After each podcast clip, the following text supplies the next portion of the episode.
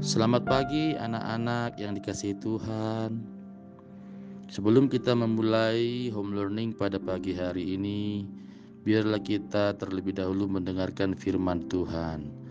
Firman Tuhan pada pagi hari ini berjudul Gembala yang diambil dari ayat Yohanes 10 ayat 11.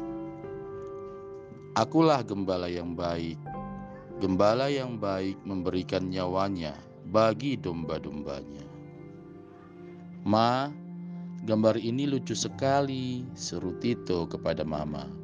Rupanya di sebuah majalah, Tito melihat seorang bapak yang diikuti oleh puluhan bebek. Bapak itu gembalanya toh.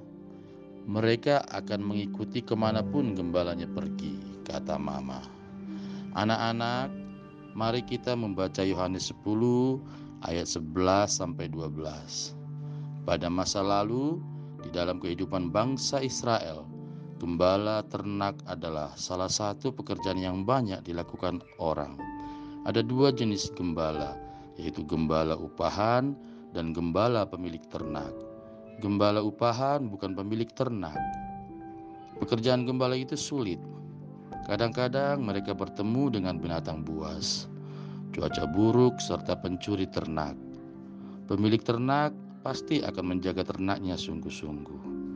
Anak-anak, Tuhan Yesus mengumpamakan dirinya sebagai gembala yang baik. Ia mengenal domba-dombanya satu persatu. Kita adalah domba-domba milik Tuhan Yesus.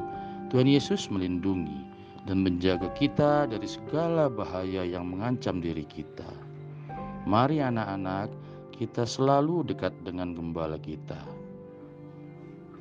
Mari kita berdoa, Bapa Surgawi, aku bersyukur Engkau selalu mengasihi dan melindungiku. Dalam nama Tuhan Yesus, aku bersyukur. Amin.